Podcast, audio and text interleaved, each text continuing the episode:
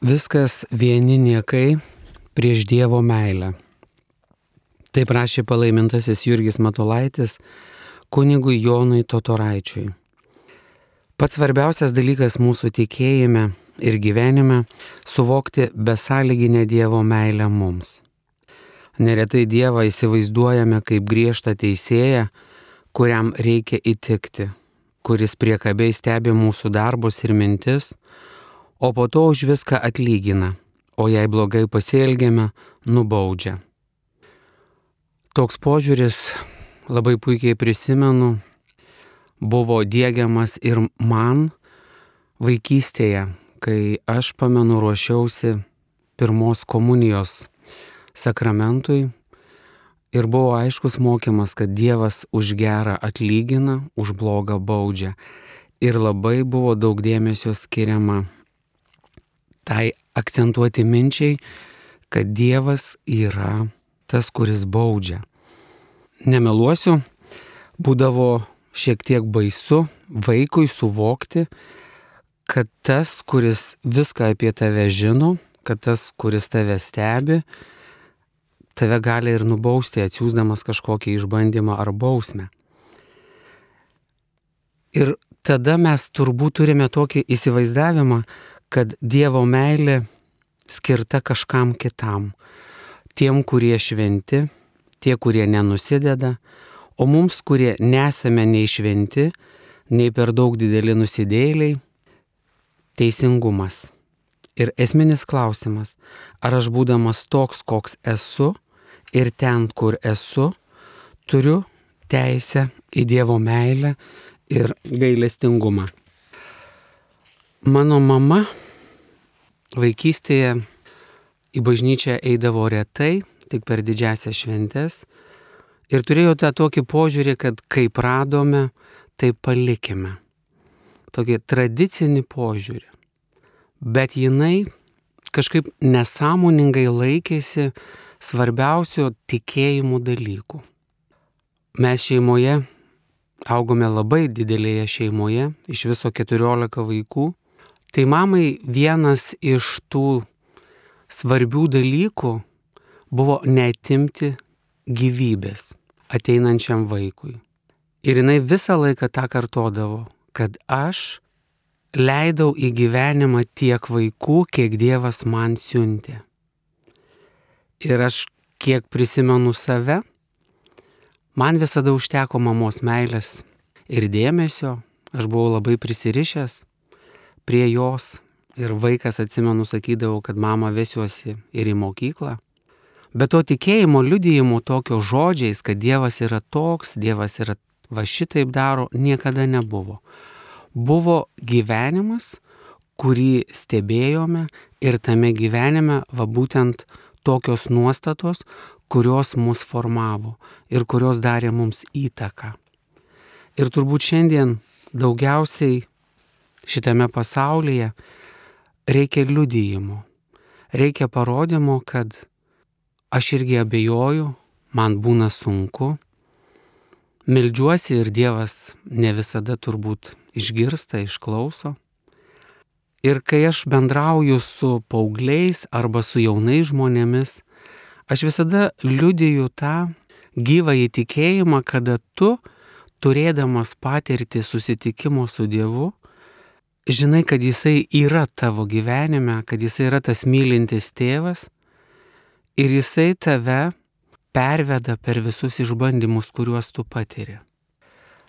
Ir tada ateina tas suvokimas, kad žmogus turi gebėjimą, iš prigimties turi gebėjimą suskambėti gražiausią tą meilės muziką, gražiausių akordų, nes mumise, jeigu mes leidžiame, gyvena Kristus.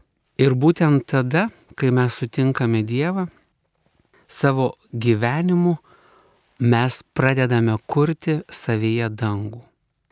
Kartais daug žmonių įsivaizduoja, kad tas gėris, tas džiaugsmas šalia Dievo ateina tik tai po mūsų kūno mirties, kai mes susitinkame, kai mūsų siela susitinka su kurėju. Aš tikiu ir aš taip galvoju, kad mūsų amžinasis gyvenimas prasideda tada, kai mes užsimesgame, mūsų gyvybė užsimesga motinos iššiose, kai mes gimstame, jau tada mes pradedame kurti dangų savyje. Ir todėl mes turime išmokti maldoje grožėtis ir pasitikėti Dievu. Mes turime leisti Dievui būti mūsų gyvenime netgi tada, kai mums atrodo, kad esame pamiršti, kad mums sunku, kad mūsų nesupranta pasaulis, kad mes esame vieniši. Ir tokiu būdu mes esame savo tikėjimo kelionėje ir mes atrandame vis naujus dalykus, mes įgyjame daugiau patirties, mes įgyjame daugiau žinių.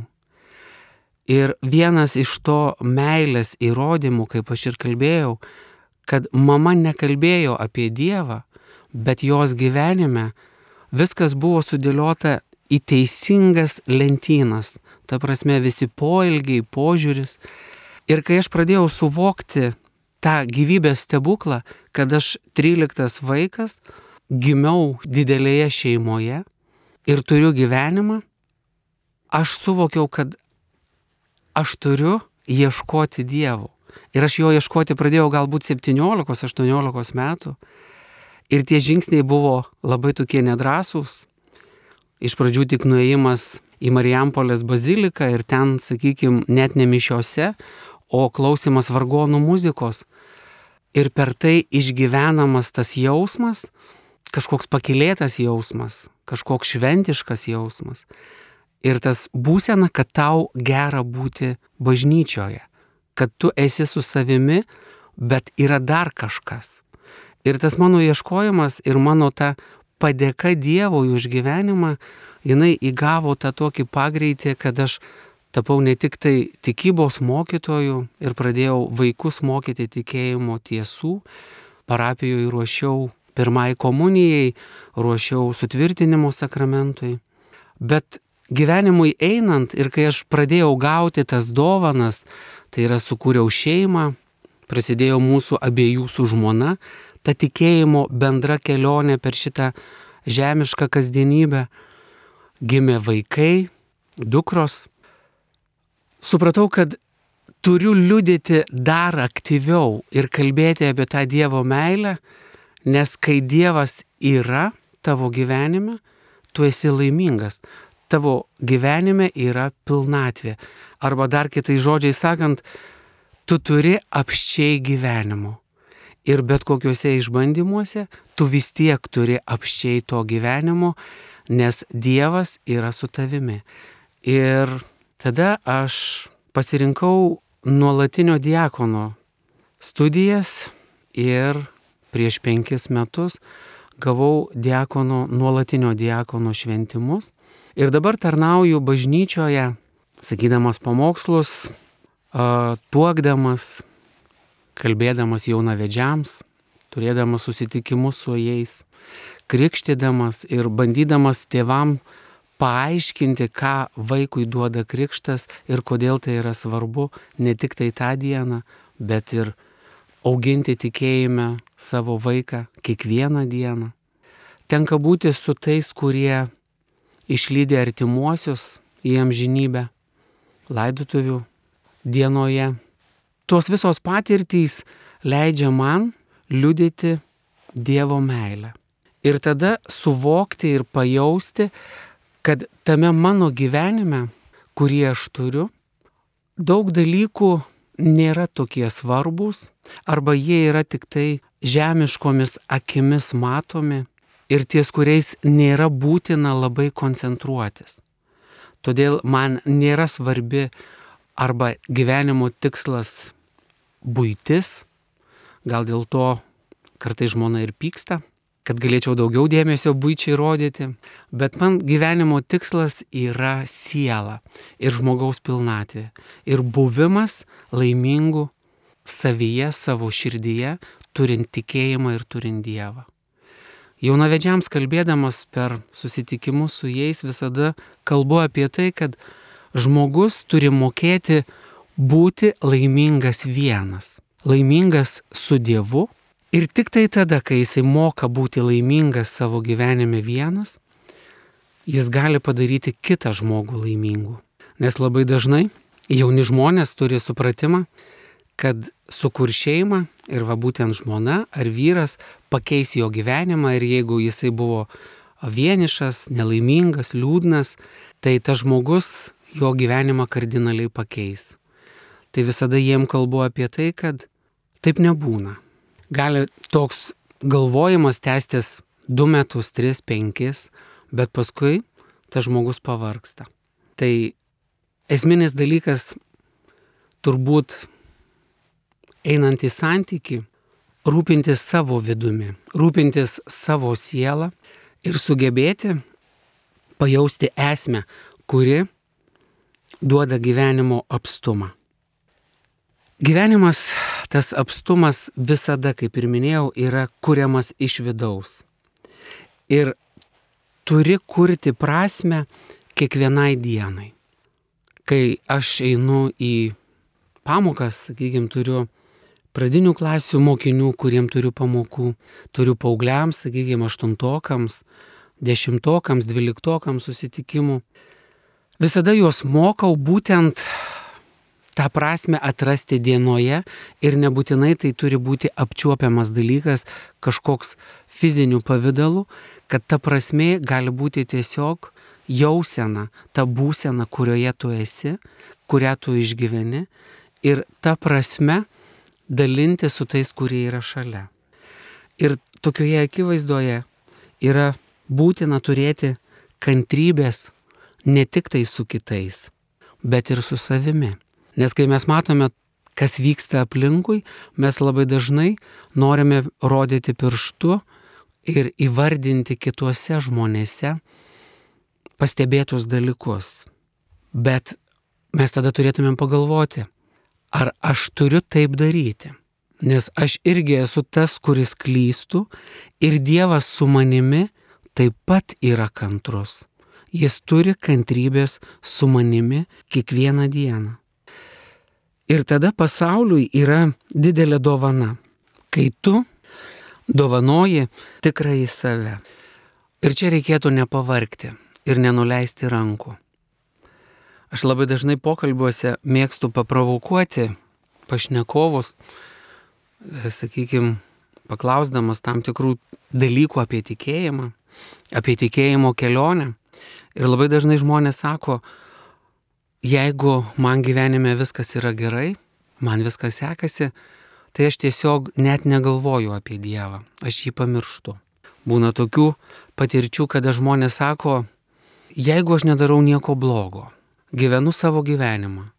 Ir tada aš gyvenimo pabaigoje išpažinsiu savo meilę Dievui, aš atsiversiu ir greičiausiai, kad aš laimėsiu dangų ir būsiu amžinybėje su Dievu.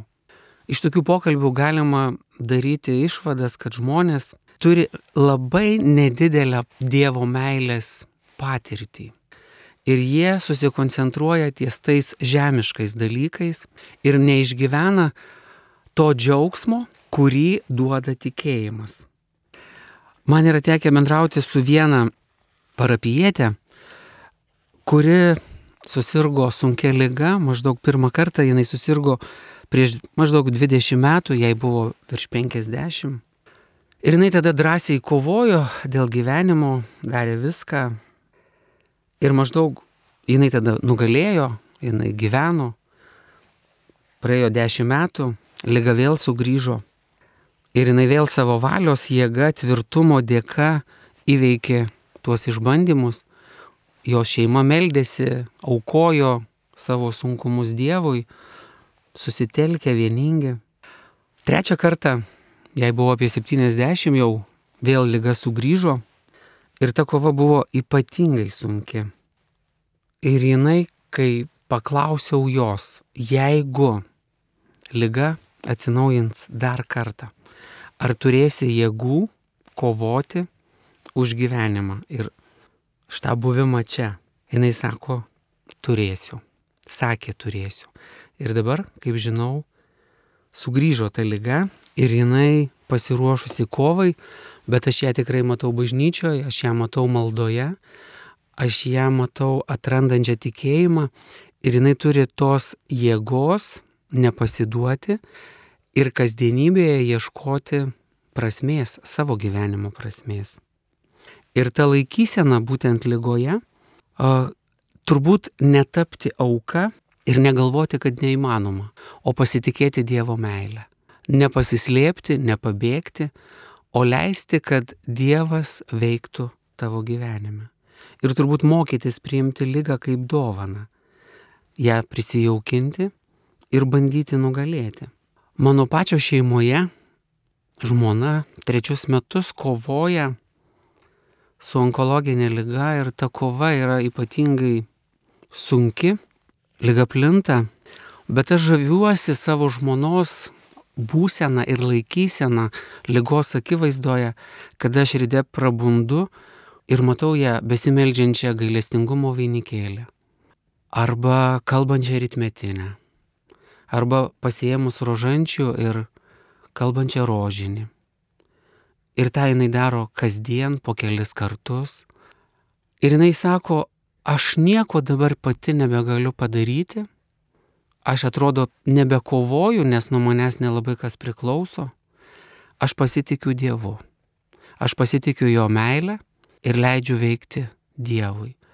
Ir tada tas ateina toksai supratimas, kad tai yra žmonės, va, kurie turi tokį supratimą ir, ir požiūrį, žmonės, kurie keliauja į tą šventumą ir priima Dievo meilę be išlygų.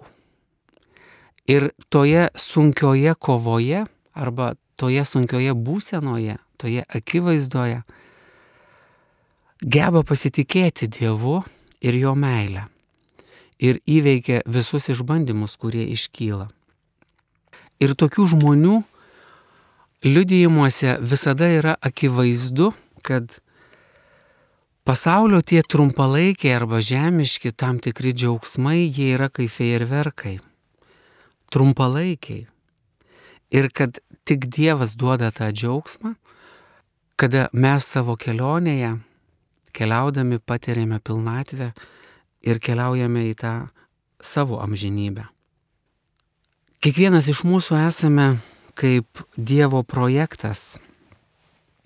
Ir galime žiūrėti, kaip šventas raštas, kur be atsiverstum, yra kaip receptų knyga. Pavyzdžiui, Dievas taip pamilo pasaulį, jog atidavė savo viengimi sūnų, kad kiekvienas, kuris jį tiki, nepražūtų, bet turėtų amžiną į gyvenimą. Dievasgi nesiuntė savo sūnaus į pasaulį, kad jis pasaulį pasmerktų bet kad pasaulis per jį būtų išgelbėtas. Arba kita ištrauka, tai ką dėl viso šito pasakysime, jei Dievas už mus, tai kasgi prieš mus, jeigu jis nepagailėjo ne savo sunaus, bet atidavė jį už mus visus, kaipgi jis ir visko nedovanotų kartu su juo Kas kaltins Dievo išrinktuosius, juk Dievas išteisina.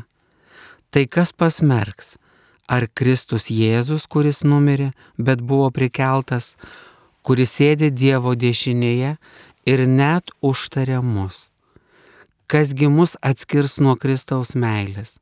Ar vargas, ar priespauda, ar persekiojimas, ar badas, ar nuogumas, ar pavojus, ar kalavijas? Parašyta, dėl tavęs mes žudomi ištisą dieną, laikomi pjautinomis avimis. Tačiau visą mes lengvai nugalime dėliai to, kuris mus pamilo.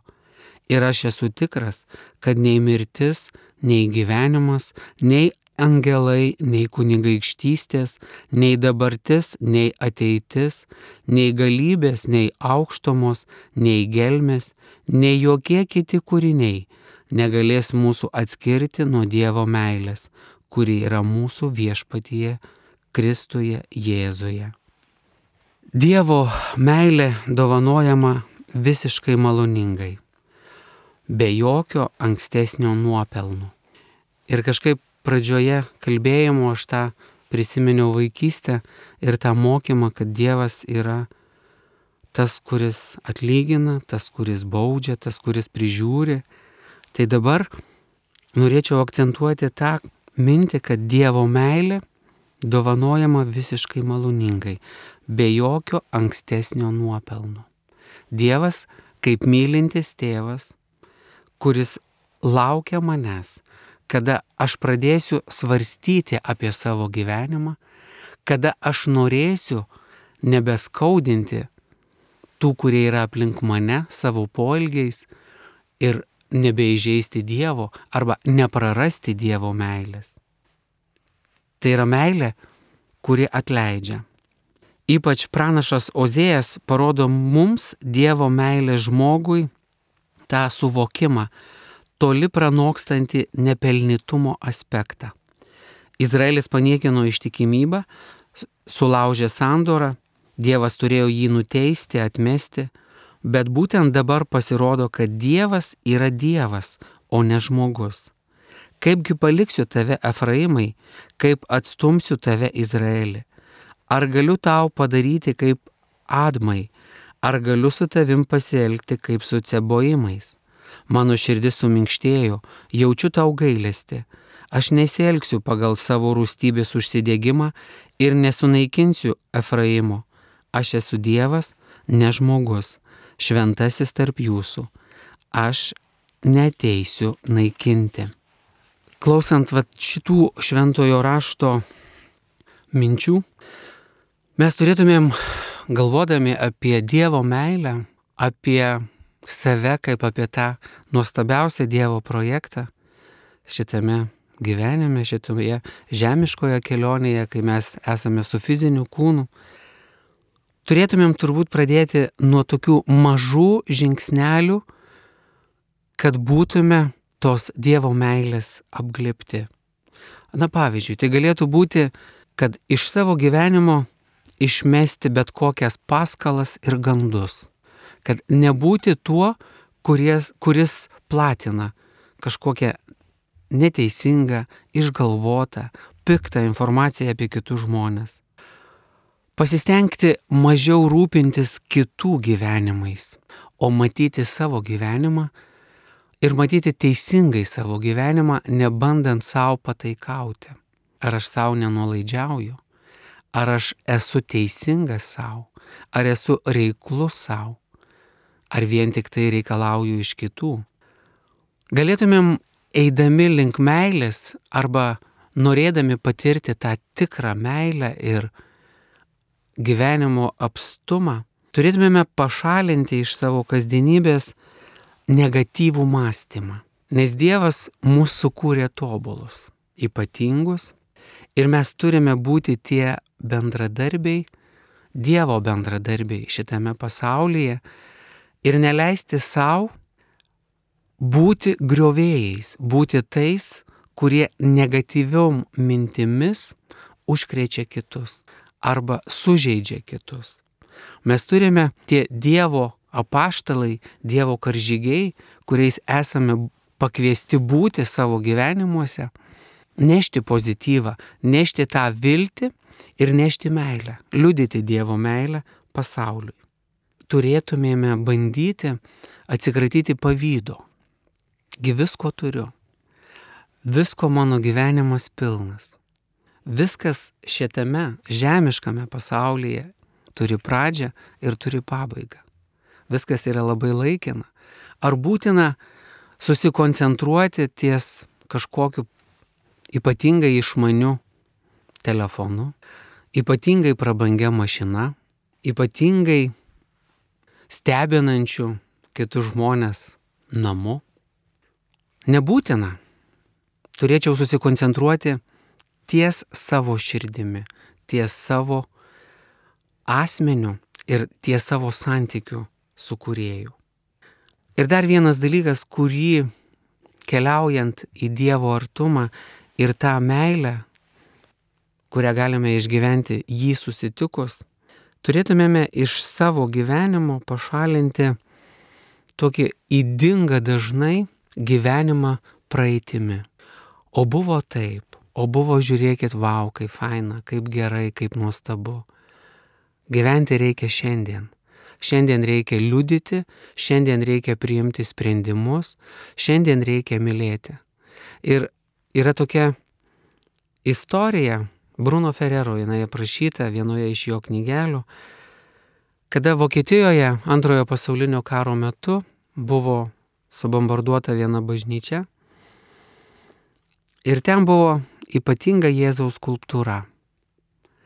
Ir tikintieji po to bombardavimo atėjo į tą vietą ir pradėjo rinkti tos skulptūros, Jėzaus skulptūros dalis. Ir praktiškai jiem pavyko viską surinkti, viską atrasti, trūko tik tai rankų. Ir jie nepavyko jiems tų rankų surasti tarp nuolaužų. Ir tada kažkas užkabino kortelę. Tu esi mano rankos. Tai šiandien kiekvienam iš mūsų, mylinčiom akimis žvelgdamas į kiekvieną iš mūsų, Dievas sako, tu esi mano rankos. Tu esi tas, per kurį aš galiu kurti šitą pasaulį, kurio rankomis aš galiu daryti šitą pasaulį geresnį. Ir kiekvieno iš mūsų mokinystė arba keliavimas link Dievo, link susitikimo su juo, prasideda tada, kai Jėzui pasakome taip. Kai mes nesiruošiame būti savo gyvenimo šeimininkais, bet pavedame jį Dievui, kad Dieve vesk mane, globok mane, būk su manim man priimant esminius sprendimus. Nes mes esame kaip tie išberti grūdai. Visi turbūt žinome tą istoriją apie siejėją. Ir turime nebijoti būti sumalti. Nes kai mes būname sumalti, mes tampame duona kitiems. Ir tai ir yra turbūt tikroji ir ta esminė gyvenimo prasme - būti ta duona kitiems. Meilė, turbūt auginant meilę Jėzui, labai svarbu yra ne tik malda, bet ir adoracija. Ir aš kalbėdamas su paaugliais visada sakau, kad kai jūs saulėtą dieną išeinate į lauką ir jūs neužsidedate kepurės, jūs saulė tiesiog parausvina odą, atsiranda įdėgis. Kai jūs būsite adoracijoje ir žvelgsite į Jėzų, Jėzus tiesiog turės galimybę perkeisti tavo sielą perkeisti tavo supratimą, ateisi tavo gyvenimą ir bus su tavimi kiekvienoje dienoje, jeigu tu pats tą leisi. Nes Dievas niekada neveikia betodairiškai ir visuotinai. Pavyzdžiui, kaip krintantis lietus, jisai krenta ant visko, kas tik yra. Dievas įsiterpia konkrečiai ir tam tikrų metų būtent ateina į tą sielą, ateina pas tą žmogų. Ir kartais per labai mažą ir nesminį dalyką, kad jo veikimas galėtų plėstis toliau ir kad tas grūdas auktų ir neštų derlių.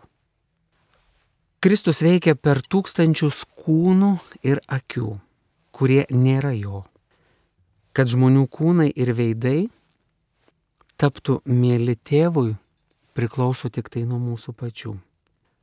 Ir kartais esame tose pirminėse fronto linijose. Nes šiandien pasaulyje ir jaunimas labai dažnai išreiškia tas nuomonės, kad esame laisvi daryti viską su savo gyvenimu, kodėl mes turime laikytis tam tikrų taisyklių, apribojimų. Tai yra mano kūnas, tai yra mano sprendimas. Ir aš manau, kad tai dažniausiai kalba nepatirtis. Į to žmogaus gyvenimą dar neatėjo gyvasis Dievas, neįvyko tas tikrasis susitikimas ir patirties trūkumas leidžia žiūrėti tose fronto linijose į tokius žmonės atlaidžių žvilgsnių kad tu dar subręsi, kad tu dar neši derlių ir tavo gyvenimas dar keisis.